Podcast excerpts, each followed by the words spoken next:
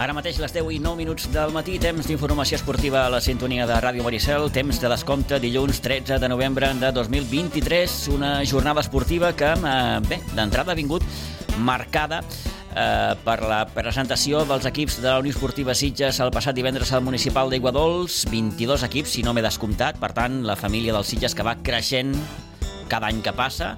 Saludarem d'aquí uns moments el seu president Jordi Martínez. D'aquí res, breus instants parlarem amb, amb Josu Julián, el tècnic del juvenil A de la Blanca Subur, perquè la Blanca ha aconseguit la seva primera victòria a la Lliga. Ho ha fet dissabte al Nou Pinsbens 5 a 2 del Marianao Poblet. Han hagut de passar 9 jornades per aconseguir aquesta primera victòria, tot i que la Blanca ja tenia un puntet després de l'empat que va aconseguir ara fa unes quantes setmanes al camp del Castell de Fels. Com dèiem, saludarem d'aquí uns moments el míster de la Blanca, en Josu Julián, avui que repassarem també com ha anat la jornada primera i tercera catalana. Primera catalana, els Sitges que...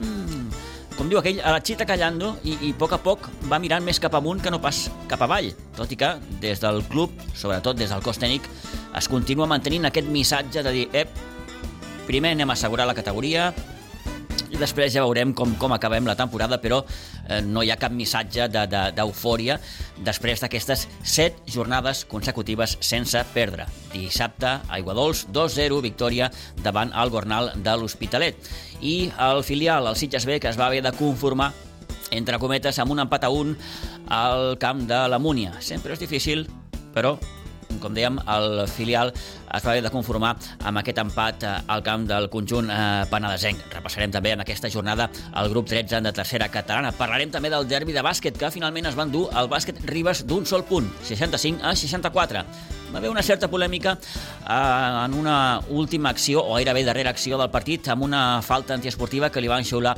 a Pau Cabezas, el jugador del bàsquet Sitges, aquí per cert saludarem també al llarg d'aquest eh, matí, i al final, doncs, aquesta antiesportiva que va acabar, diguem-ho així, decantant la balança cap al bàsquet Ribes, que, com diguem, es va imposar per un sol punt, per aquest 65 a 64.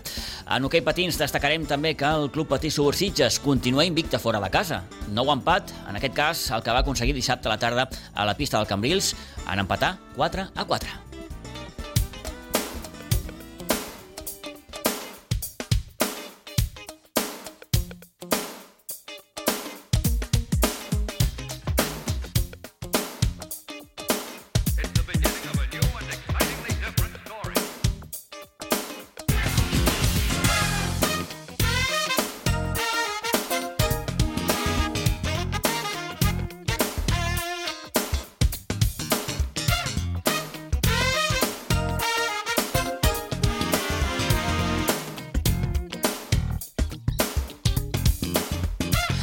Doncs comencem, ens agafem al tòpic d'entrada, aquell tòpic que diu que més val tard que mai. I és que dissabte passat, com dèiem ara fa uns moments, el Nou Pinsbens, el juvenil de preferent de la Blanca, va aconseguir guanyar el seu primer partit de la temporada. Han hagut de passar, per tant, nou jornades per veure la Blanca sumar amb el seu primer triomf a la Lliga, 5 a 2, dissabte a la tarda davant el Marianao Poblet en un maig en el que al descans eh, els sitgetans ja dominaven per dos gols a un. Tres gols més a la represa i un més per part del conjunt eh, de Sant Boi per deixar, com dèiem, aquest marcador final de 5 a 2 i el quart punt de la Blanca aquesta temporada a la Lliga. Saludem l'entrenador de la Blanca, en Josu Julián, que tenim ja al telèfon. Josu, bon dia i bona hora. Hola, bon dia, què tal? Eh, molt bé, eh, suposo que tu una mica millor. Sí, home, eh, està clar, no, no per, no per, per, per la classificació, sinó per, més que res per, pels nanos, pels nanos, perquè al final quan tu estàs en una dinàmica que constantment treballes bé durant la setmana i els cas de setmana pues, sempre surt eh, l'errada de torn o el moment que sempre surt creu, eh, això mentalment era, era molt complicat ja. Uh -huh. Llavors, bueno, eh, sí que és cert que l'altre dia des del minut 1 vam ser, vam ser clarament superiors al Marianao i, bueno, i d'una vegada per totes pues, ens va sortir més o menys tot de cara. Permetem la broma, diuen que quan perds tant estàs més a prop de guanyar. Sí, Però sí que, sí, sí, sí, que tothom cert... m'ho deia. sí que cert fora broma, Sara. deia, sí. jo... Sí, Eh, sí. mm, eh, Sí, bueno, a mi realment, realment era, la, era la primera vegada que em passava, Mm. que perdia tants partits seguint, jo no, no havia succeït mai, afortunadament, però bueno, de tot s'aprèn. Eh, deien que l'altre dia deia un dels millors entrenadors de, de, per mi de, del món, que és Marcelo Bielsa, deia que, que s'aprèn molt més de la derrota que de la victòria. Jo Mhm. crec que sí que és cert que hem fet un màster. Hem fet un màster en, en psicologia, en, en gestió de, bueno, pues d'aquesta d'aquesta pena diària de, de, de, de que el jugador pues, sempre està eh, amb dubtes, perquè clar, perquè quan no et surten les coses, al final surten mil, mil preguntes que no, que no te les fas quan, quan guanyes. Ja. I, I en aquest sentit, en aquest sentit crec que hem donat, bueno, hem donat molts passos endavant per, perquè, bueno, perquè hem respost a moltes preguntes que, que no ens les haguessin fet sense, si, si haguessin guanyat de qualsevol manera. Està clar, està clar. Bueno. Suposo que un es qüestiona moltes coses, no, Josu? Uf, imagina't, Ja. imagina't. Jo, a part, bueno, considero que som un cos tècnic que normalment tenim les coses bastant clares, així ho hem demostrat, crec, gent com tu que em coneix, crec que ho hem demostrat sempre quan els equips que he estat, que tenien les coses bastant clares i tal, Mm. i sí que és cert que les últimes setmanes doncs, no, no et negaré que, que, bueno, que fins l'últim moment dubtaves de tot, dubtaves de si aquest plantejament era el bo, era el dolent, aquest jugador podia jugar aquí, podia jugar allà, perquè al final, quan sempre passa alguna cosa, doncs al final penses mil i una coses. Òbviament, doncs, si el problema era amb nosaltres, eh, per començar. Sí, sí. Eh, sincerament, o sigui, al final tu penses tot. Però bueno, eh, crec que hem donat un pas endavant, a partir d'aquí l'hem de, fer, l'hem de fer regular, òbviament no, no hem fet res, però sí que és cert que sabent les nostres limitacions, que crec que les sabem des del primer dia, ja t'ho vaig dir fa un parell de mesos, un, me- un mes i mig quan vam parlar, Mm. Crec que, crec que estem en disposició de poder competir cada partit, que és el que jo demanava als nanos, competir cada partit. Eh, ho hem fet quasi tots els dies, però bueno, hi havia algun moment que no que, que desconnectaven. Eh, no ha de ser fàcil conviure amb la derrota. No, no, no, no, per res, per res, per res. Jo Perquè un, ja po dic, eh? un pot perdre un, un partit, dos partits, però quan perds dos, tres, quatre, cinc... Sí, Ostres, i sí, més com, com, com apuntaves ara fa uns moments, Josu, que, que per tu també personalment era una situació que no, que no havies viscut. Sí, era una situació nova. Mm. Jo, al final, bueno, pues, aquestes setmanes mm, Bueno, he après molt, eh, en el sentit de que, de que has de gestionar situacions que no estàs acostumat, Clar. i, bueno, m'he recolzat en gent que, que bueno, que, que ho ha passat d'alguna manera, pues, en gent de...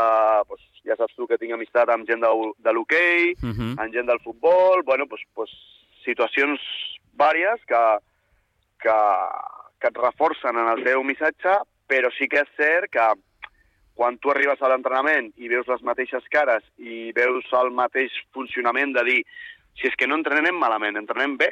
El problema és a l'hora de competir, que, bueno, que sí que és cert que hi ha moments que o no tenim la confiança suficient, o ens bloquegem, o, o quan hem, de fer un refuig, pues, pues, pues, pues, pues, ens la quedem i llavors perdem la pilota i justament aquella pilota que perdem pues, ens fan el gol. Bueno, són situacions puntuals que sempre han sortit greu fins aquesta setmana. Ja et dic, eh, no, sé si, no sé si ens salvarem sobradament, no ens salvarem, no ho sé. El que sí que sé és que els xavals estan fent tot per, per intentar posar la blanca el més amunt possible.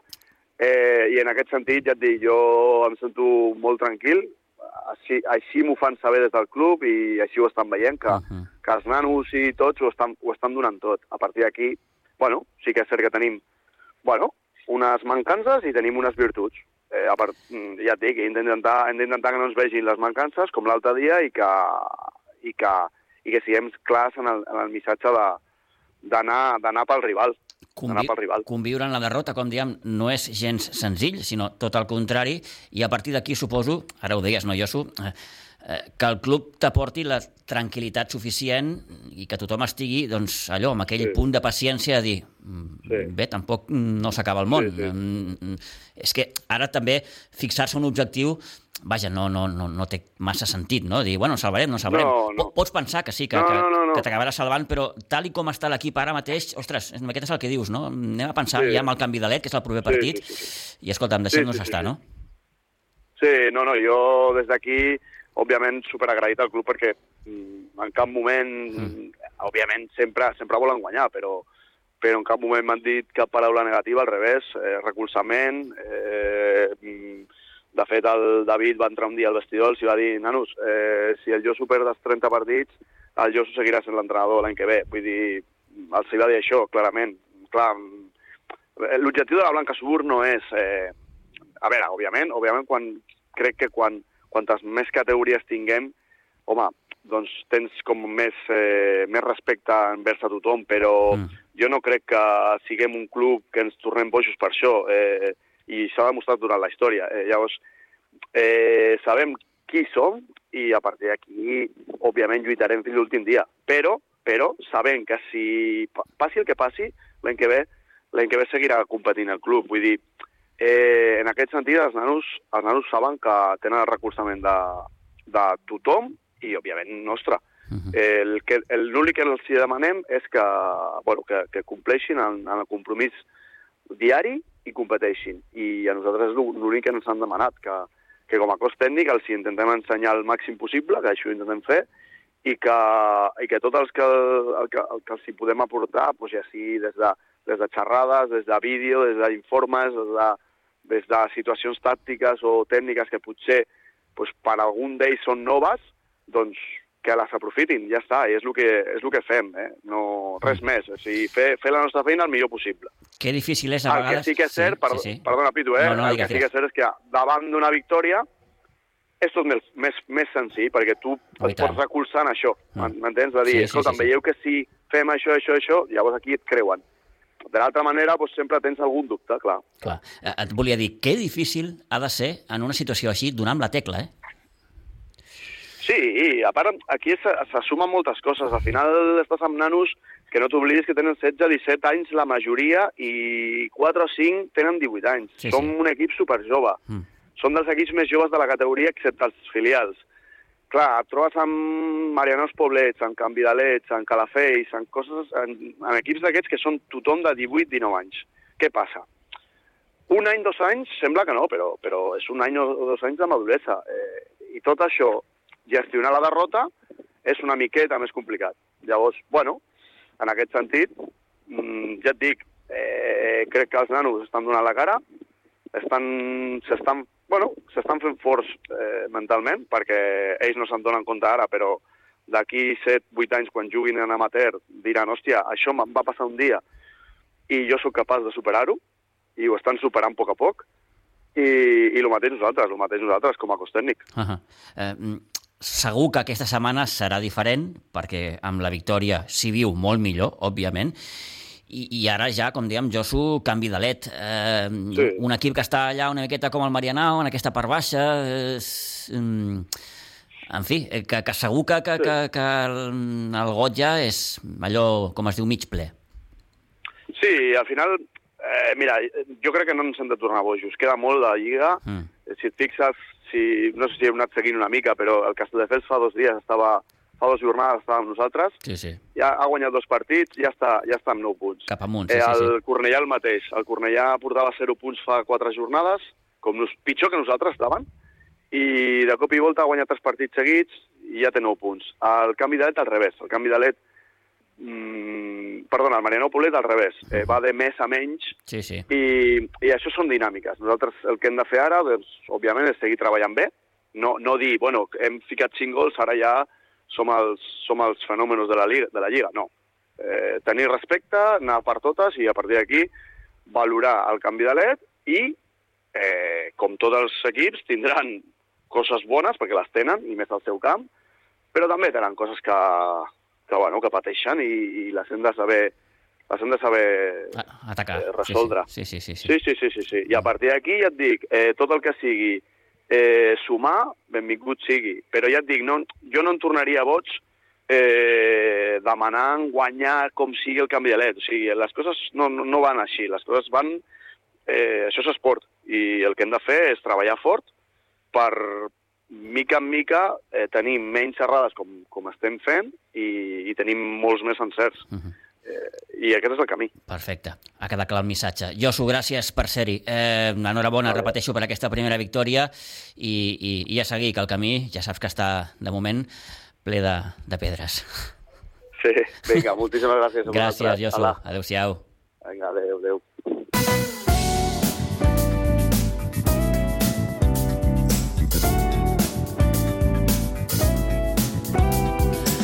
adéu. doncs, celebrem aquesta primera victòria del juvenil de preferent. Recordem també que en el derbi de juvenils de segona divisió jugat ahir al polivalent de Pinsbens es va confirmar més o menys els pronòstics i la Blanca es va endur la victòria per 0 gols a 4 davant un Sitges, com ens comentava el seu míster, en Joan Rodríguez, el passat divendres, que sí, hi havia il·lusió per afrontar amb aquest derbi, però que era conscient que la Blanca d'entrada era superior, com ho demostra doncs, el fet que la Blanca eh, lidera la classificació d'aquest grup 44 de la segona divisió. Acabem de repassar marcadors, ho fem amb en Isidre Gómez. Isidre, bon dia i bona hora. Hola, molt bon dia.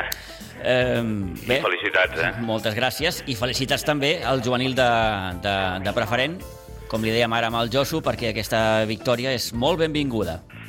És un medicina pel cuerpo. és un xute d'alguna cosa allà, eh, sí, sí. important. Eh, bé, eh, aquest 5 a 2 davant el Marianao, com dèiem el dissabte a Pinsbens, la victòria del juvenil de segona divisió ahir en el derbi. Per tant, dos bons resultats del, del juvenil. Com ha anat la cosa?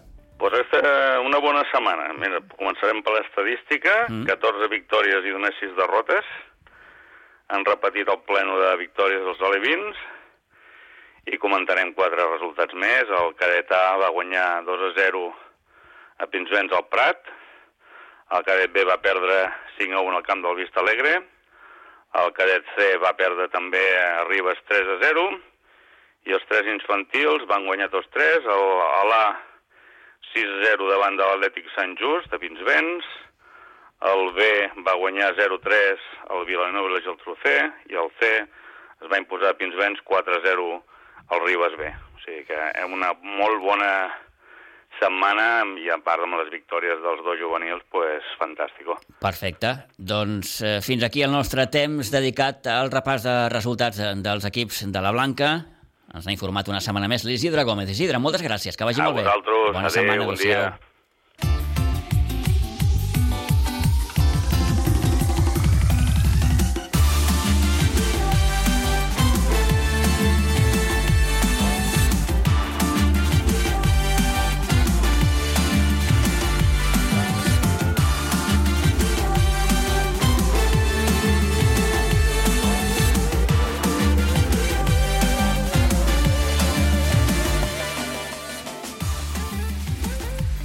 Vinga, doncs, volíem dir, no ens movem del futbol base perquè la Unió Esportiva Sitges va fer divendres passat la seva presentació dels equips de la temporada 23-24, com la darrera temporada l'empresa Sport Music fou l'encarregada d'una presentació molt musical, amb molta llum, espectacle fins i tot de freestyle i, en definitiva, la posada de llarg per a tots i cadascun dels equips de la Unió Esportiva Sitges, des dels més petitets, els de l'escoleta, fins al primer equip i, com no, l'equip diversit, que es van dur, sens dubte, i com acostuma a passar sempre, una de les grans ovacions de la grada d'Aigua Dols. Eh, saludem Jordi Martínez, president de la Unió Esportiva Sitges, que tenim ja al telèfon. Jordi Martínez, bon dia i bona hora. Hola, molt bon dia, Pitu. Eh, I felicitats, eh, abans de tot. Moltes gràcies, senyor.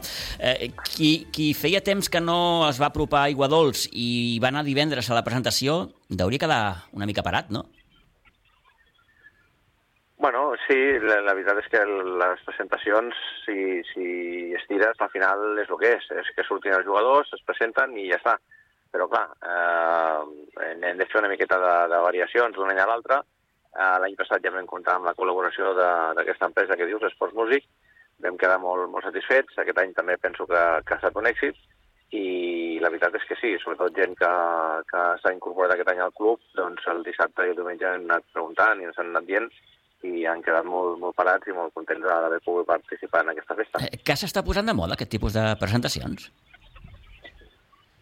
Bueno, no sé si és moda o no, és, el que et deia, hem de, fer, hem de fer coses diferents. Llavors, ja. quan les presentacions les fèiem o les fem o les farem, en el cas, no sé, perquè no sé què passarà en un futur, les organitzem dels clubs, doncs clar, eh, els mitjans són els que són i, i els coneixements i les experiències són les que són. Llavors, clar, quan ja portes eh, 10, 15, 16 presentacions, doncs ja se t'han acabat les idees i no, no dona per molt més. I sobretot, jo penso sobretot són els mitjans nosaltres no, com a club modest que som, no podem tenir ni l'equip de so, ni, ni els llums, ni, ni els, els, els complements que tenen aquestes empreses que es dediquen a això. Uh mhm. -huh. Llavors, com et dic, l'any passat doncs, vam provar, aviam què tal, ens va anar molt bé, va ser un èxit, aquest any doncs, també, i, bueno, no sé, això no vol dir que l'any que ve ho tornem a fer, però, però que és una possibilitat que, que, que tenem en compte i segurament que, bueno, a hores d'ara diria, si que decidir ara, diria que sí. Però, bueno, i això que deies, no sé si és moda o no, però és que hem de fer coses diferents, perquè, clar, si no, els nanos, aplaudeixin i jo, doncs al final anirien de, en detriment de, de l'espectacularitat de la festa, no? Els mateixos nens pues, no els agradaria tant. I qui va anar divendres a Aiguadols també es va donar segurament que la família de la Unió Esportiva Sitges creix i creix i creix. Doncs sí, sí, sí, tenim la sort de que estem treballant molt dur tots els dies de la setmana per, per fer les coses, no sé si bé o malament, però el millor que puguem, i, i els resultats doncs, estan acompanyant perquè les famílies hi confien. Eh, sí, evidentment, cada, cada any tenim, per sort, més equips, i, i bueno, ja estem arribant, no sé si no s'ha arribat ja al límit del límit. Eh, com altres vegades ja he dit, no traurem el meló de les instal·lacions perquè no tenim temps. Mm i esperem que, que d'aquí pues, un parell de temporades, quan tinguem el, el nou Igualadors, doncs, eh, Jones, evidentment, ens ajudarà moltíssim.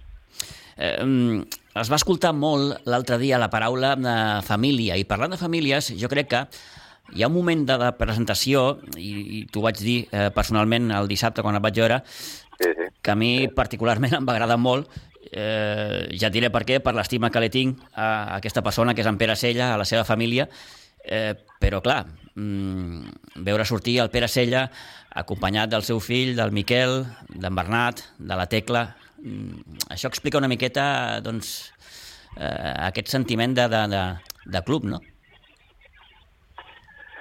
Doncs això és el que, que treballem, per, per, per això treballem, per inculcar una miqueta aquest sentiment i veure que, que realment doncs sí que els resultats amb els, amb els que són equips A i B, que són els més competitius, doncs sí que evidentment importen, tot i que no és l'objectiu primordial, però evidentment eh, els equips A eh, doncs estan fets per competir, eh, però sí que és veritat que al final la, la filosofia de l'escola de la Unió Esportiva Sitges és això, és que, que la gent faci esport per això intentem pues, que, que, que donar cabuda al màxim número de nens sense mirar a nivell. Eh, ens venen d'altres equips. És que ja m'han dit que no...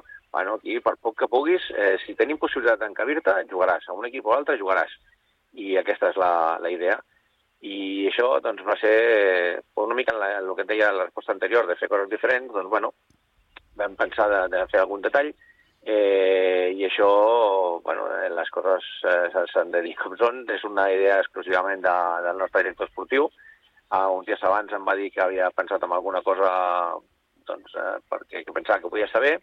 Eh, jo eh, ja li vaig dir al Pere també, era, era desconeixedor del tema, sabia que hi havia alguna cosa, però i és totalment idea d'ell en la línia de que sí que vam estar parlant de, de potenciar el tema de, de les famílies, que era la, la idea que volíem llançar en aquesta presentació, doncs ell va creure oportú fer aquest detall a la família Sella, com ja et dic, podia haver sigut amb algunes altres famílies que tenim, que tenim diversos membres aquí al club. Sí, sí. I ara no citarem, però hi ha algunes històriques. Uh mhm. -huh. El que passa és que, bueno, eh, la circumstància de que el Pere és entrenador, col·laborador dels socials, el seu fill, el Miquel, és jugador i entrenador, i després el Bernat i la Tecla són jugadors de categories inferiors, doncs vam pensar que, o l'Àngel va pensar que, que era un, un bon, bon exemple per, per, per significar el que volem, mm. que la família dels Sitges pues, sigui això una família.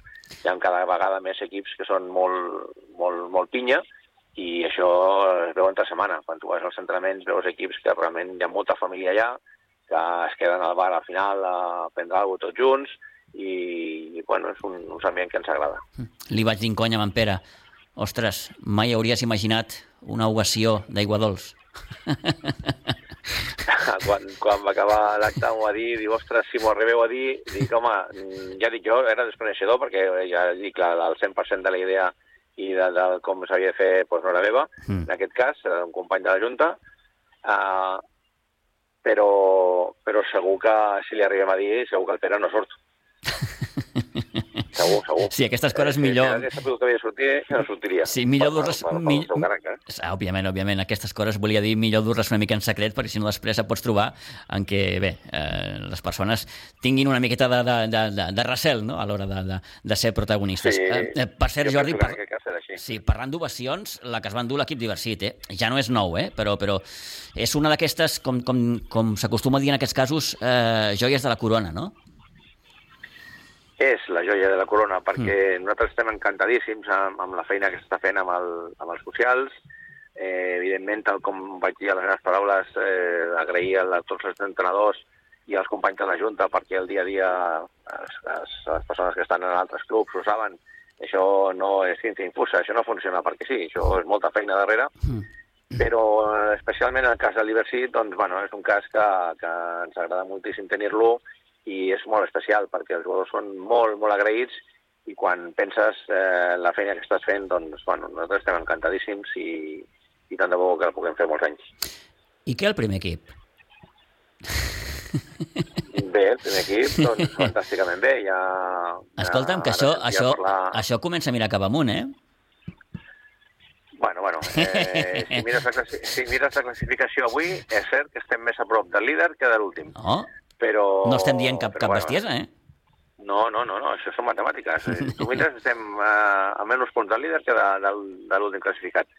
Però estem al mes de novembre i som recient arribats a la categoria i el que volem fer és consolidar. Sí que és veritat que nosaltres eh, hem fet un, ens hem passat un estiu intens confeccionant una plantilla que pensem que, que hauria d'aconseguir el repte que és consolidar la categoria, fins ara, bueno, tot avui encara no... Crec recordar que no, en cap partit ha tingut el Toni al 100% de la plantilla disponible i això, doncs, eh, evidentment, per això es fan les plantilles més àmplies, no? perquè sempre saps que hi ha no, lesions, lesions o viatges, o... i per això es fa. Però també és veritat que mm, l'experiència diu que algunes setmanes sí que es pot, sí, pot ser que tinguis a tots els jugadors disponibles i nosaltres, doncs, per diferents motius, no ho hem tingut. Tot i així, doncs estem molt contents amb, la, amb el treball que s'està fent. Eh, ho veig una mica el que dèiem abans, el tema de família. El vestidor és, és un grup que ara mateix és un grup eh, fortíssim i això doncs, al final el camp es nota perquè l'any passat com amb l'ascens ja vam dir, al final pugen les famílies, no pugen els equips. Eh, si un equip és molt bo però no hi ha un bon ambient, eh, acostuma a ser molt difícil que acabi tenint èxit. Molt bé. I nosaltres pues, treballem molt això. Doncs hem volgut acabar amb això. Jordi, gràcies per atendre'ns una vegada més. No vull acomiadar-te sense abans recordar que avui, precisament, la Unió Esportiva Sitges serà protagonista del programa La Frontal de la Federació Catalana de Futbol, que s'emet aquesta tarda, si no m'erro, a un quart de set, oi? Eh, el tema d'horari està una mica canviant. Jo sí? aquest matí he rebut que a, a per l'aplicació, perdó, per internet de, de, de la Federació Catalana és a les 18.25 i he mirat la programació d'Esports 3 i és a les 18.28. Però, bueno, bueno. Eh, jo diria que qui tingui mínim d'interès, que... a partir d'un quart de set sí que es posi a mirar i, i si no després per internet o Esports 3, ai, perdó, 3 la carta ho podràs veure. Sí, Però sí. sí que penso que seria maco que tingués una bona audiència i és això, és a partir d'un quart de set. Perfecte. Doncs eh, Estarem atents. Eh, Jordi Martínez, president de la Unió Esportiva Sitges. Gràcies, repeteixo, per eh, concedir-nos aquests minuts. Que vagi molt bé. Com sempre, moltes gràcies a vosaltres i a la vostra disposició. Una abraçada a tothom. Adéu-siau.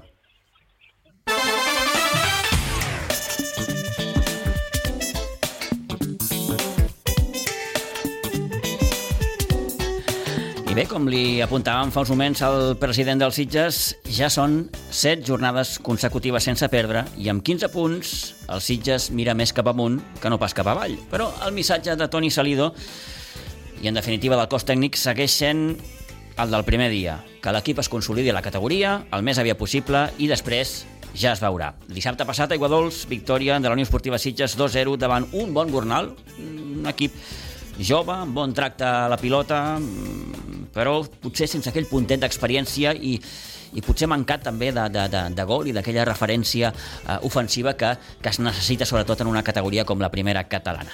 Toni, bon dia, bona hora. Bon dia, bon dia, Pitu. Ens va agradar el Gornal. Sí, molt. Sí, molt, molt, molt. Eh, un equip que té eh, bon res, equip. res o poc a veure amb el que es va enfrontar els Sitges la temporada passada? No, és un equip molt renovat, molt jove, eh, no té que veure res, eh, toca molt bé, li dona molt bon tracte a la pilota, toca molt bé la pilota. Li falta el que tu has dit abans, falta gol, li falta acabar de mm, posar-la dintre, no? Perquè té arribades, arriba bé, uh -huh. però li falta acabar-lo de, de, de matar, no?, el partit. Amb els Sitges, doncs, Sitges li va costar, de, de, eh? de dues cares, diguem-ho així, potser? Sí, sí, sí, sí, sí. La, la primera no me va agradar gens, els Sitges, la primera part, la primera cara dels Sitges. Tot i que, fixa't, no estan tan fi, eh, els Sitges pot anar al descans guanyant al final te'n vas amb un empat a zero perquè aquella pilota del Josele s'estavella el travesser. Sí. Faltava un minut per acabar la primera part. Sí, de fet, a la primera part va tenir dos cornes en el que el Sitges va estar a punt de marcar i aquella jugada en una pilota llarga a Josele eh, i doncs l'acaba de, de fallar la volea, no? Potser queda una mica alta, no?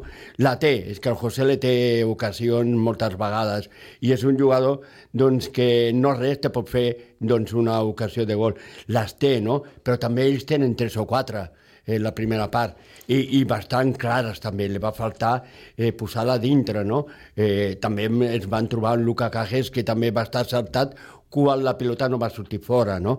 Sí, però clar, va millorar molt la, la segona part, el Sitge era conscient de que era un partit per a guanyar-lo, de que davant tenia un equip que l'estava plantant molt bé la cara, però jo penso que els canvis realitzats en aquest minut, el triple canvi li va anar molt bé, sobretot amb un jugador que, que, que treballa molt, que fruit d'ell va venir pràcticament els dos gols, eh, fruit de la seva feina, que és Geri, no? Eh, amb la sortida de Geri, Pasqua i Manu, i Manu Avalos, sobretot, doncs sí, sí. Aquest, not... aquests tres canvis... Es va notar molt li donen un nou aire va donar un pas endavant, no? Potser el que li estava faltant mhm. -huh. una miqueta als Sitges, eh, més arribada, no? Va donar un pas endavant i a partir d'aquí el Sitges ja va ser superior eh, en tot, potser la, la posició de pilota ells la van aguantar bastant bé, però el Sitges va tenir més ocasions. Centrada des de la banda dreta d'Alejandro Pasqua al minut 63 i eh, Josele, mm, sense saltar, clavat a terra, mm -hmm. una rematada de cap, eh, va fer l'1 a 0 i al 77 un golàs de, de, de Geri des de la frontal que certificava aquesta victòria del Sitges Toni, set jornades consecutives puntuant, 15 punts, mires més cap a un, no s'ha de tornar boig, aquí ningú, eh? Però, però, però, no, no, però, però, però bé, ens agrada veure els Sitges així. Però és que se li té que dir el que és. Sí, sí, Aquest sí, és sí. un Sitges guanyador, és un Sitges que té potencial, no és un Sitges, eh, un Gornal, que és un equip renovat molt jove i que, doncs, de cara a un futur, és un Sitges que té jugadors experimentats eh, que estan allà per a fer alguna cosa. Uh mhm. -huh. Sí que, doncs, eh, la filosofia de, del, del club o de l'equip és dir, eh, nosaltres anem a consolidar la categoria, això està molt bé, però ells són conscients que l'agradaria acabar al final del campionat o arribar a la fi del campionat allà dalt per poder lluitar eh, per alguna cosa, perquè per això s'ha fet aquest equip. Mhm. -huh. Vinga, doncs escoltem Toni Salido, un Toni Salido que haurien de veure vostès acabar els partits literalment fos. L'altre dia estava suat, talment com si hagués participat del, del partit, però, òbviament, amb aquella alegria de la victòria i d'aquestes set jornades consecutives sense perdre. Bueno, al final eh, todos los equipos te lo complican y todos los equipos tienen su, su fase de partido, pero nosotros vamos con una idea fija, sobre todo jugar aquí, intentar de apretar muy arriba para intentar de, de recuperar en tres cuartos de campo. Lo que pasa que a veces pues el rival al final tiene condiciones y tiene movimientos para poder salir y contrarrestar la, presión nuestra. ¿no? Eh, creo que la primera parte creo que nos ha faltado la efectividad, porque si hubiésemos metido alguna que hemos tenido clara, eh, hubiese pasado creo que lo de la segunda parte. O sea, la diferencia de la primera a la segunda creo que ha sido la efectividad. La segunda eh, te pones por delante eh, y a partir de ahí creo que nosotros nos sentimos muy cómodos en, dentro del campo sin pasar eh, prácticamente ningún peligro cara, cara a puerta. estábamos la verdad que muy, muy tranquilos, lo que pasa es que claro, siempre con el 1-0 es peligroso, ¿no? Pero una vez que Jerry ha, la el segundo, creo que ahí ya hemos matado el partido. contentos por el buen trabajo, contento por, por, otra vez portería cero, que creo que eso tiene que ser la clave, intentar de hacer la portería cero eh, las máximas posible, porque eso te dice que como mínimo te llevas un punto, que, que, la mentalidad ¿no? de, de, seguir sumando cada semana. Eh, ocho jornadas eh, sin perder, ya son ocho jornadas, ya son considerables, así que nada, solamente toca seguir remando e intentar de seguir puntuando, o bien uno o bien tres, como venimos diciendo durante toda la temporada, pero es que tiene que ser la mentalidad partido a partido y, o punto tres y tiene que ir así. Entonces, bueno, sabemos que tenemos un desplazamiento difícil la semana que viene, pero intentaremos de prepararlo de la mejor manera para, para poder intentar rascar alguna cosa de Morey. La sensació, Toni, almenys des de fora, és que l'equip eh, ha estat més reconeixible a la segona part, sobretot eh, en el moment en què han entrat al camp homes com Geri, com Pasqua, com, com Manu. Bueno, al final eh, se tiene que notar, pero a mí yo soy un entrenador que me gusta que, estén activos el máximo de jugadores posible, no me gusta tener un once fijo, porque al final eso entre sanciones, lesiones y bajo de rendimiento para una liga no, no te llega y yo necesito de, de, todos, o sea, necesito de todos, participarán más o menos, pero creo que Río venía, no había participado prácticamente en todo el año, un ratito en Martorell, bueno, ha tenido algún rato eh, y hoy sale de inicio, un chaval que, que todos los días entrena, que todos los días pone buena cara, que todos los días está con el grupo y estos chavales tienen que ser importantes también. En el caso de Over también ha ido participando eh, menos de lo que venía participando el año pasado y siempre está con el equipo dando la cara. Eh, de Toni, perdona, diu gestió de vestidor. Bueno, eh, al, al, final, al final eh, yo tengo que cuidar de los míos y quiero que el, el, sabemos que a todo el mundo no, no podemos tener contentos durante el año, pero intentarlo sí.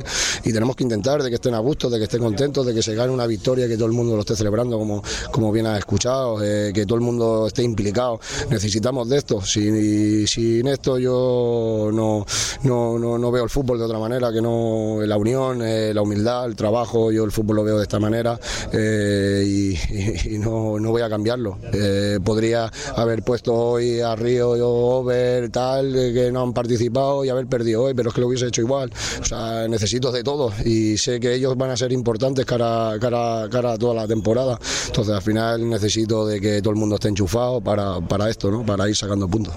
Què t'ha semblat el Gornal? Ens ha semblat un, un molt bon equip, amb un bon tracte de pilota, han tingut bona sortida, eh, potser ens ha faltat una miqueta de rematada, ¿no? Al final creo que es un equipo que tiene mucho criterio con la pelota, tiene, tiene mecanismos para, para salir bien, eh, es un equipo joven donde, bueno, a veces eh, comete imprecisiones o se pone eh, un poco nervioso, creo que, que al igual un poco de gol sí que le falta, pero en primera catalana todos los equipos son difíciles. O sea, no puedes mirar clasificación, como miras clasificación están muertos. Mm. Eh, en segunda, en tercera, en cuarta, siempre tienen los equipos que siempre los vas a ganar jugando mal, pero aquí no, aquí tienes que estar muy bien durante los 93 minutos, 94. Eh, a la que te vas 10 minutos del partido te, te, te, te, pintan la cara pero bien y no ganas y no, no acabas sacando nada. Entonces, por lo cual, eh, la mentalidad tiene que ser esa. Partido, prepararlo, no mirar clasificación, sino ponerte ponerte bien serio, poner estar con los cinco sentidos porque, porque sabes que vas a tener opciones y ellos también la van a tener. Aquestes alçades del campionat, Toni, eh, esperaves estar com, com, com esteu? Millor, pitjor?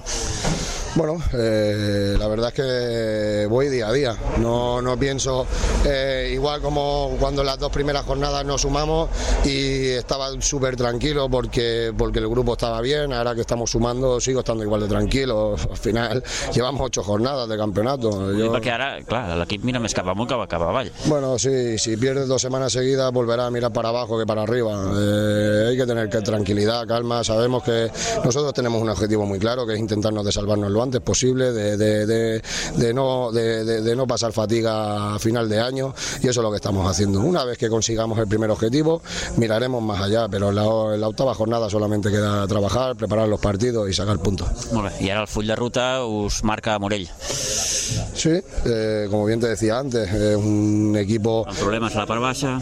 Sí, eh, pero es que cuesta mucho sacar puntos. Eh, creo que Vilanova pierde hoy con el campo, en el campo del Vilafranca, que, que, que le sacaba pues ocho puntos, creo, si no, no me equivoco. O sea, al final no, no, no hay partido fácil, no, no hay encuentro que, que, que, vayas a pasearte. Puede haber un día que no esté bien el, rival y a ti te salga todo, ¿no? Que, al final le pueda. Pero ya estamos viendo todos los resultados. Los resultados son muy justos. Eh, muchos empates, eh, eh, goles a última, de, a última hora. Eh, es una liga muy chula, muy apretada, con buenos equipos, con buenos jugadores y solamente tenemos que disfrutarla, intentarlo de hacer lo mejor posible cada semana y sobre todo disfrutarlo porque tenemos un buen grupo, sobre todo un grupo humano maravilloso, tenemos buenos jugadores, tenemos, tenemos buen staff técnico, todos vamos remando para la misma dirección y tenemos que disfrutar de todo esto, disfrutarlo, pasar cada semana e intentar de puntuar. No, acabo. Tu gaudeixes més que pateixes o pateixes més que gaudeixes? No, no. Yo padezco más de que después ya a última hora estoy tan, tan, hecho polvo que me, que, me, que me, voy a dormir. Sí, perquè, Toni, acabes els partits fet caldo. Sí, sí, sí. La tensión, el corazón va a muchas pulsaciones. Eh, sí que la verdad que en el banquillo estoy tranquilo, pero sí que hay mucha tensión. Hay mucha tensión durante la semana eh, porque al final te lo preparas, ya desconectas un poquito y ya le estás dando vueltas a la cabeza. Nosotros no podemos parar. Eh, y esa, esa es nuestra manera de trabajar. Eh, dejas una cosa ya estás pensando en otra y para intentar de, hacerlo lo mejor la, semana siguiente. Entonces, por lo cual la tensión va, va por las nubes y, días como hoy, pues cuando ganas, pues agradeces todo esto, ¿no? Todo el trabajo de los chicos, el trabajo que vas haciendo y, nada. Y, nada, y por otro lado, dar las gracias a, la Junta y a Ángel, que ayer pasamos un día maravilloso, eh, una buena presentación, con luces, eh, hubo de todo. Eh, entonces, nada, darle las gracias porque al final todo, todo suma y, es muy bonito estar con, el fútbol base, con, toda la gente que, rodea al Siches y, felicitarlo. Bueno, Tony, gracias y a disfrutarlo. Gracias, Pitu.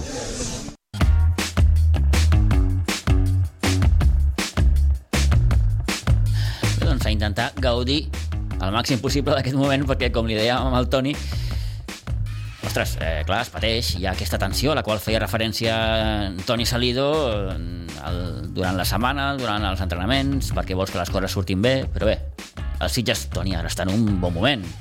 Sí, sí, sí, home, està sent a 100 punts del sí. primer lloc, eh? Sí, no, clar, ara mateix el Sitges uh, ocupa la uh, sisena plaça, té 15 punts, sí. està a 5 del primer, que és el, el, el Martorell, Martorell i el Sant Ildefons. Sí, vull dir que... El Vilanova que va, va punxar amb la Fundació.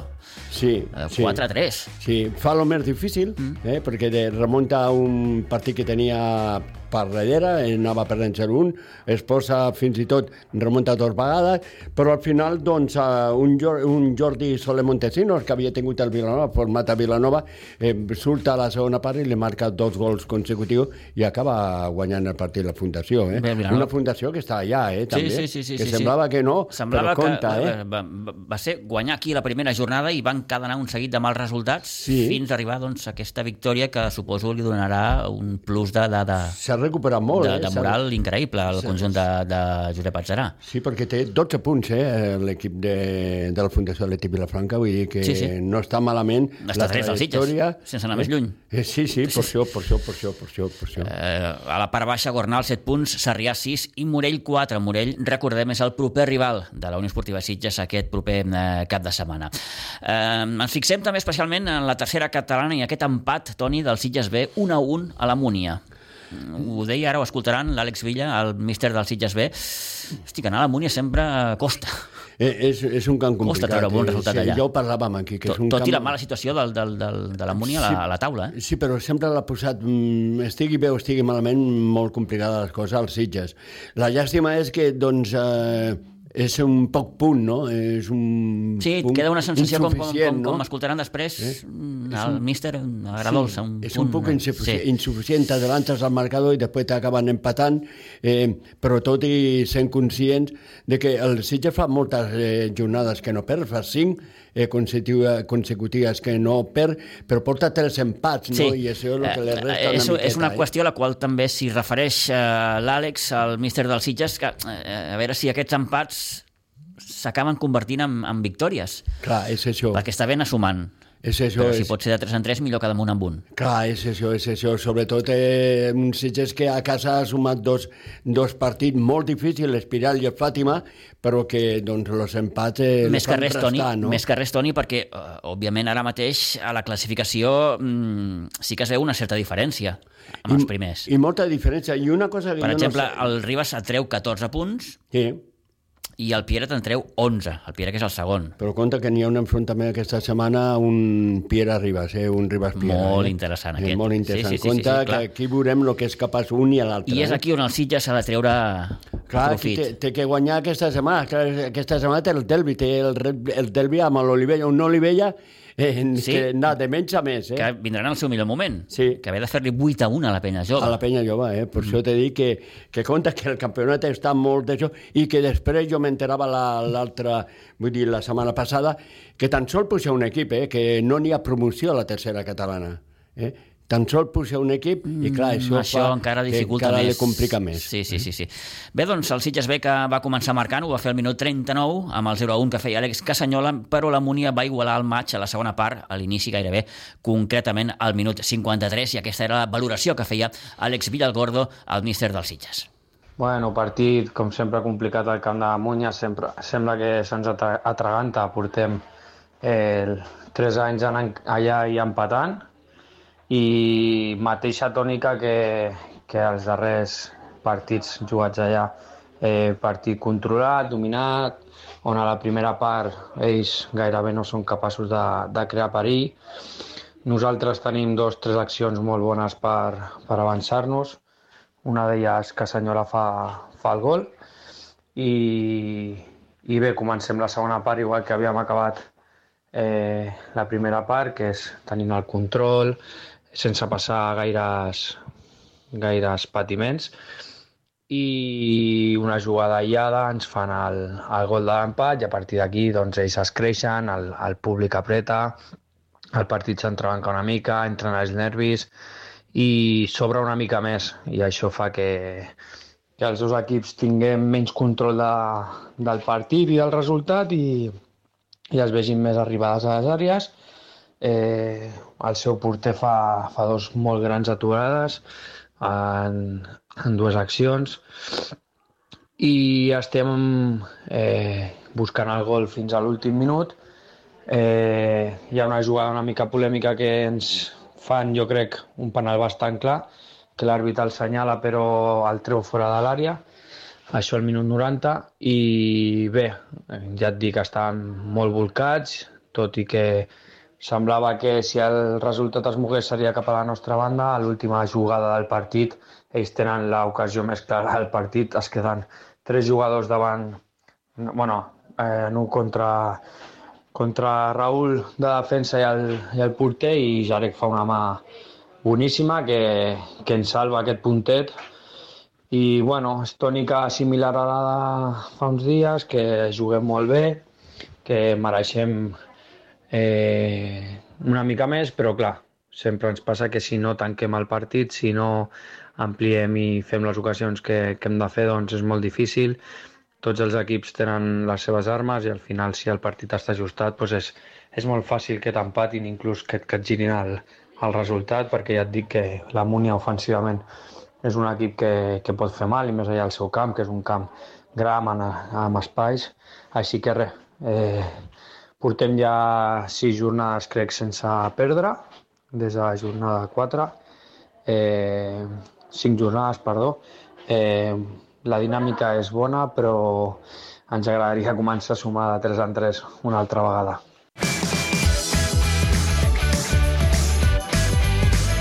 Bé, doncs aquesta sensació que probablement a dia d'avui és millor el joc que els punts. Sí, sí, sí. És a dir, jugues bé, però no acabes de, de, de traduir aquest bon joc amb, amb, amb, amb victòries. Li falta gol, li falta una miqueta de gol, li falta gol quan té que matar el partit, no? El Sitges, eh, de fet, eh, té molt errors, perquè el dia del Fàtima va passar el mateix. Quan podia haver matat el partit, doncs no acaba matar i després eh, fins i tot pot guanyar-lo, no? Com mhm. aquí, no? Que pot guanyar-lo i fins i tot pot perdre'l aquí, no? És això, falta una miqueta, aquella tranquil·litat de saber de que pots guanyar qualsevol equip. Jo penso que aquella derrota de Pierre Riera li va fer molt de mal als Sitges, eh? que era la, la segona jornada. Sí, perquè després... La tu, tercera jornada, tu, eh? Tu pots jugar amb el Ribas i pots perdre. Clar. Perquè el Ribas ja, Clar. ja començava Clar. a, a demostrar coses. Clar a dir, eh, eh aquest any clar. el pastís el vull jo. Sí, mm? però clar, és això, després te ve el calendari que te ve i clar, tens aquella, sí, sí, et aquella queda, dubte, et queda no? aquella rèmora. Aquella que te diu, sí, sí, sí. però el Pierre me va fer cinc, tu. Mm -hmm. eh? Aquella inseguretat, sí, òbviament, correcte, clar. Vens... Correcte. Jo penso que la segona volta d'aquest sí, jo no sé si arribarà a temps o no arribarà a temps, perquè cada vegada es complica més, no?, la classificació, perquè el rival l'ha guanyat tot, eh? i en canvi els Sitges no, no? Eh, I cada vegada són més punts, no sé si arribarà a temps o no, però que la segona part, la segona volta d'aquesta competició veurem un Sitges molt diferent, perquè té molt de lloc, però li falta acabar de matar els partits. Sí, falta acabar de, de, de definir aquestes ocasions. Una jornada, Toni, en què, vaja, sorpreses, mm, zero. Potser l'empat a un del Bas Espirall al seu camp amb el Capellades, Sí, perquè el Cavall sempre és un equip molt complicat. Sí. Eh? I doncs que no se l'esperava. No se l'esperava ningú aquest empat. Però aquí diu que l'Espirall té mancances, no? En canvi, doncs, el Piera de moment lo està aprofitant molt bé tot això i l'únic equip que no ha perdut cap partit, l'ha guanyat tot, ha estat el Ribas. El Ribas que li va fer un 3-0 a les Cabanyes, també va golejar el Fàtima 4-0 al Molanta, el Canyelles, que també va fer la feina, li va fer 5 a 2 al Can Cartró, i el Piera, que va guanyar 0 a 1 a Torrelles, i això li val la segona posició. Sí, sí. I col·locar-se a 3 del Ribas. Sí, sí, el Piera ha perdut un partit. I pendents, com deies, Toni, d'aquest partit de la propera jornada. Sí, aquest partit que juguen al camp del Piera, si no recordo malament, mm. eh, i que serà, doncs, aquí començarem a veure el que és capaç el Ribas, eh? Perquè si el Ribas guanya el camp del Piera, compta amb aquest Ribas sí, ja, sí, eh? Sí, sí, sí, perquè amb aquest Ribas, eh, eh? sabem el que significa jugar a Piera. Clar, un Eh? camp petit, Camp un petit. camp difícil, la gent sobra, ja crida a tothom, veurem. Serà un partit per veure Sí, sí, eh, un partit eh, d'aquells eh, 5 estrelles. Acostant-nos a les 11, deixem el futbol, vinga, anem cap al bàsquet.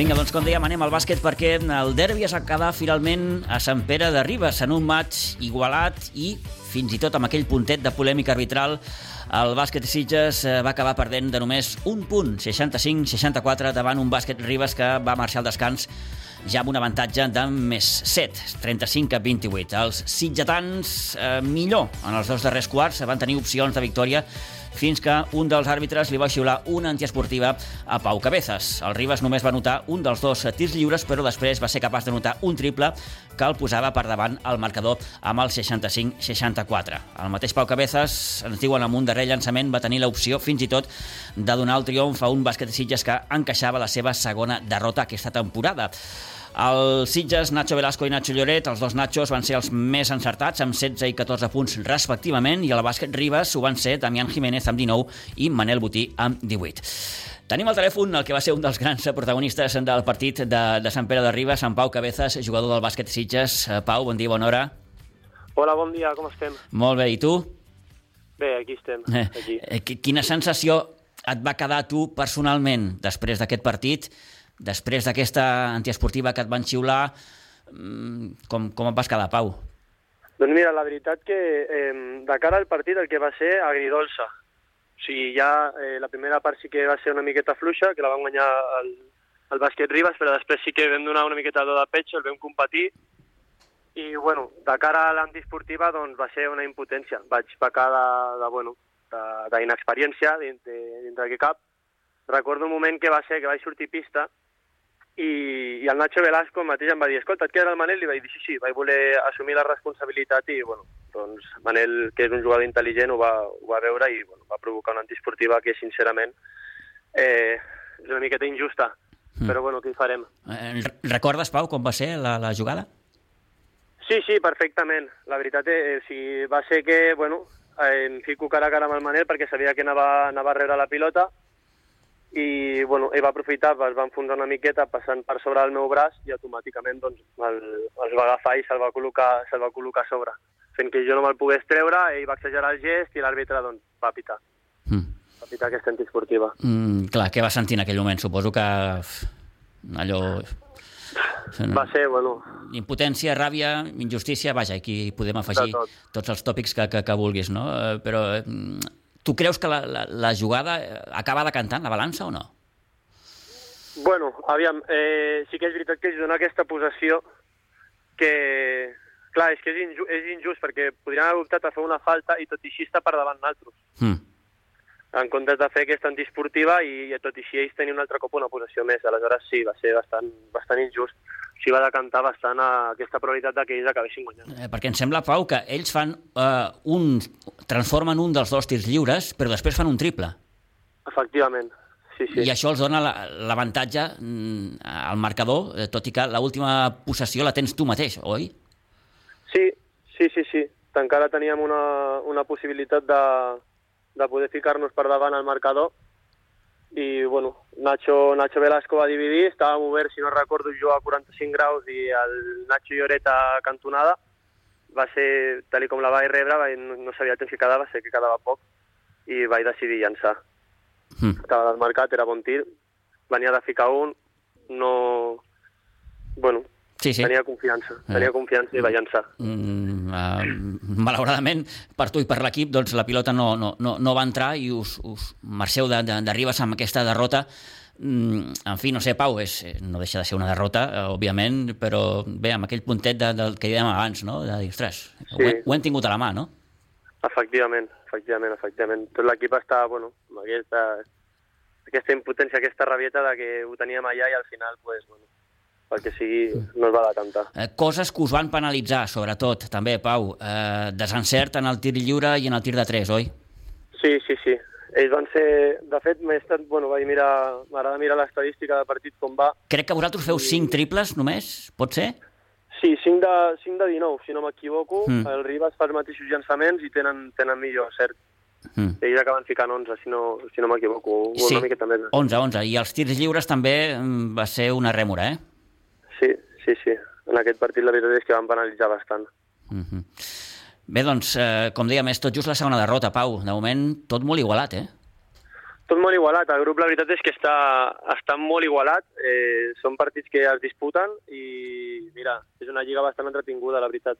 Mm. Sí, l'estem disfrutant molt. Eh, fixa't, eh, veníeu de guanyar precisament d'un punt amb la S, eh? I, i, sí, sí. i ara doncs, us toca viure l'altra la, la, cara, la, la derrota d'un contra, contra, contra el Ribas. Com, com sí. estàs, Pau, tu, personalment? Com et trobes? Aviam, bé, no paro... Sí, he de dir que bueno, aquest cap de setmana he estat donant voltes, o sigui, és una cosa que, bueno, no, no em vull martiritzar perquè cap i a la fi ja, ja està, ja ha passat. Estàs preocupat? Però... No, preocupat no. Mm. Preocupat, eh, no, gens. Gens, la veritat. Va ser, va ser mala sort, però, bueno, tot i així, la Lliga, la Lliga està anant bé, la veritat. O sigui que tenim, tenim esperances de com a mínim cada, cada aquesta taula alta, que és el que estem demostrant, que els partits veïn bé, i, bueno, que tot segueixi així. L'equip està en un bon to. Molt bon, molt bon to, sí, la veritat és que sí, la dinàmica és molt bona. Perfecte. I, i dissabte, i dissabte si no m'equivoco, jugueu contra el, contra el CUE, contra el Reus Ploms. Efectivament sí que, bueno, sí, la classificació diu que el Reus no ha guanyat cap partit, però que us posarà les coses complicades, vaja, mm, segur. Sí, sí. En aquesta lliga la veritat és que, bueno, cap partit és fàcil, no, no donem cap per perdut, estigui a la part alta, a la part baixa o mitja de la taula. I, bueno, toca, toca jugar, toca demostrar que encara estem allà i, bueno, lluitar per la victòria. Et pregunto perquè, eh, evidentment, vosaltres sou els que ho viviu a, a la pista, no? Hi ha molta diferència de primera a segona catalana? La veritat és que, bueno, personalment, jo sí que estic notant una, una, una diferència. Mm. Estic notant una diferència, els equips són més físics, ens estem trobant a gent també que a, a segona catalana no ens trobem, que són, és gent que m'ha dit dos metres, gent, gent gran. També, bueno, el, sobretot el físic. El físic no és el mateix que a, que a segona. Uh -huh. Molt bé, molt bé. Eh, doncs Pau, gràcies per haver-nos atès durant aquests minuts. Que vagi molt bé. A vosaltres. I vinga, ens veiem. Una abraçada. Igualment. Adéu-siau. Adéu,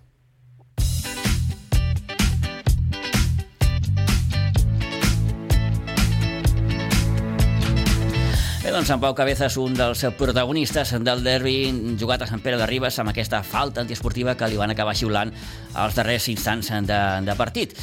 Derrota, com dèiem, 65-64, dissabte ve el CUE, el Reus Ploms. El sènior B que va encaixar, en aquest cas, una nova derrota, aquest cop a l'Hospitalet, davant el Vellsport per 63 a 37. Mal moment, de moment, del sènior B, mentre que el sènior femení, tot el contrari, va superar el bàsquet Roquetes per 55 a 46, signant el 6 de 6 en un magnífic inici de temporada. I en parla precisament el seu entrenador, Nacho Vicente. El partit d'aquest cap de setmana el jugàvem contra el Roquetes, equip de la part alta, que només havia patit una derrota la setmana passada i nosaltres veníem sense cap encara derrota i bueno, el partit va ser, des del principi va estar molt igualat, els dos equips eh, sabien que era important i sabien el que jugaven. I bueno, nosaltres vam estar molt actives, molt intenses, sí que és veritat que amb una mica d'errors vam perdre bastantes pilotes, però bueno, a aquest equip li demanem que estigui al 100% amb intensitat i corri i arrisqui, llavors bueno, aquestes coses les podem admetre i les podem assolir aquests errors a vegades en de pilota, però no vam, no vam desistir fins al final i un bon últim quart on nosaltres crec que vam estar una mica més acertades de cara a Cistella que elles, doncs vam agafar una mica d'escletxa i, i van poder guanyar el partit tranquil·lament. Eh, estem molt contents aquesta temporada, de moment cap derrota, seguim amb la nostra línia, l'equip està molt compromès, les jugadores estan molt ficades, els entrenaments es nota, i, i bueno, ara vindran partits difícils, haurem de saber patir, i, però bueno, segur que ho aconseguim.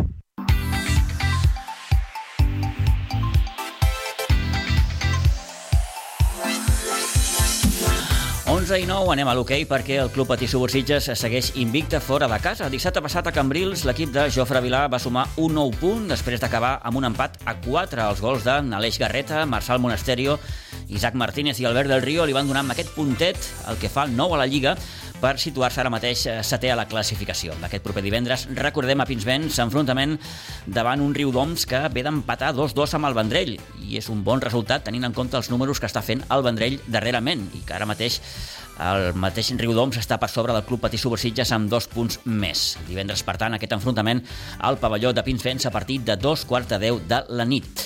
I posem una mica de poliesportiu a la Lliga de Segona Divisió de Futbol Sala. El Futbol Sala Sitges va perdre ahir amb el Cornellà per 10 a 5 i derrota també del femení 0 a 2 a Pinsbens davant el Cervelló. Una setmana més, en Joel Losada ens acosta la crònica i els resultats dels equips del Futbol Sala Sitges. En l'apartat de, de victòries tenim la del, la del Caet B, a, a Oló, ahir, 0-5, on és un equip que ha entrat en una gran dinàmica i també tenim la del juvenil A avui, 6-2 eh, davant el Sampador.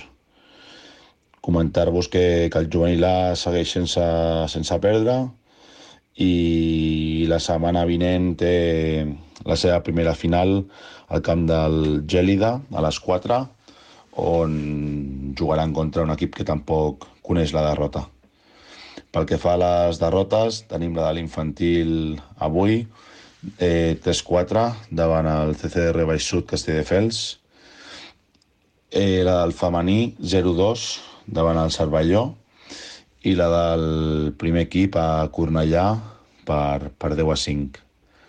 També ahir el femení va, va, van a jugar a Puigcerdà i va perdre 8-2 en el partit referent a la jornada número 1 que, que va quedar suspès.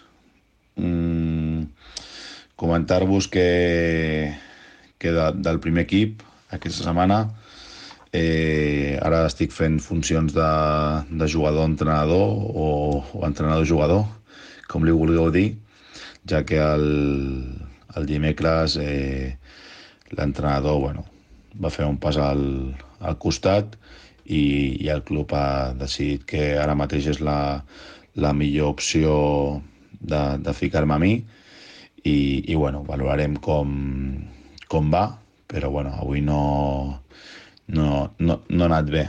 Sí que dijous ja hem poder començar a treballar coses, però bueno, no, no ha anat bé perquè de 10 persones convocades han acabat tant 6 al partit i això doncs no, no ens pot passar.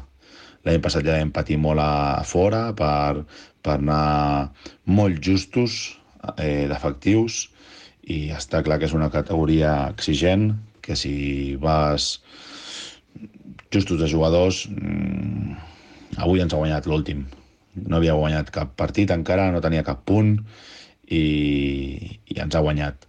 Sí que és un equip que sorprèn molt que estigui a baix, on el 90% és el mateix equip que l'any passat va quedar quart, però això vol dir també que l'exigència de la Lliga és, és important i, i bueno, no, no, no ha anat bé en, en cap dels, dels moments. O sigui, ens hem ficat 3-0, quan hem marcat el 3-1 que dèiem va, va, va, va, va, va, va, ara sí, patapam, 4-1, en 4-1 arribem al descans, i res, al descans hem volgut canviar una miqueta la, la dinàmica, hem vist que amb el 3-1 ells baixaven una miqueta el cap, però sí que és cert que amb el 4-1 s'han tornat a agafar una miqueta de confiança. I després ha anat, bueno, molts gols, o sigui, del 4-1, imagina't, hem acabat el partit amb, amb 10 a 5. Però bueno, el físic ja no arribava, eh, a més a més els últims 5 minuts ens hem quedat amb, el, amb 5 jugadors de pista, ja que el José Gandhi ha rebut dos dobles grogues i ha quedat expulsat del partit i bueno, dimecres parlarem amb els, amb els jugadors, veurem cap a, cap a on volem anar i, i bueno, intentarem canviar la, la dinàmica que estem agafant ara una mica negativa i allà si canviem el rumb de, de, del primer equip. Res més, eh, solament comentar-te que la setmana vinent eh, el cadeta i el juvenil A juguen la primera ronda de, de Copa Catalunya. La següent setmana, o sigui, cap de setmana vinent és el del 18-19, doncs el 18 jugarà en Lliga i el 19 farà, jugarà la primera ronda de Copa Catalunya. L'altra setmana, que diria que és la del 25 i 26, passarà el mateix amb l'infantil. L'infantil dissabte jugarà Lliga i diumenge jugarà Copa i, i el diumenge 3 de, de desembre el, el primer equip li ha trucat el, el, a l'equip X-Buller a primera ronda de Copa Catalunya, que són aquests bueno, YouTube, youtubers que són famosos, que ja van venir a, després de, de Nadal a Pinsbens, però era un amistós, i, i bueno, sempre fa, fa il·lusió jugar aquests partits, ja també per la, per la quantitat de, de gent que ve.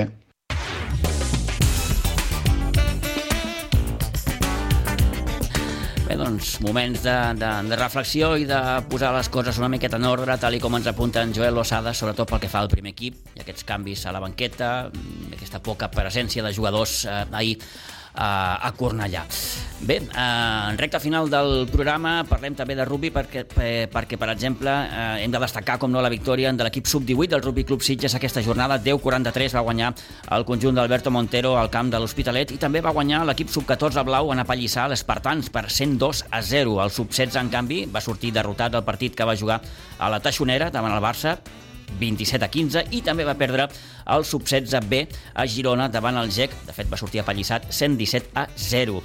I en hoquei herba, l'infantil femení del Sitges Hockey Club, que va guanyar el seu partit davant el Sant Andreu per 1 a 3, i la Levi femení, que es va estrenar a la Copa Federació amb una derrota 1 a 4 amb el conjunt de línia 22. Derrota del Benjamí 0 a 3 davant el Polo i els més petitets, els prebenjamins, que es van imposar 0 a 4 al Catalònia. Aquests resultats d'hoquei herba posem el punt i final tot just quan passa un minut d'un quart de 12 del matí. Toni, moltíssimes gràcies. Molt bé, que vagi molt bé, bona setmana i a vostès ens retrobem divendres amb més informació esportiva.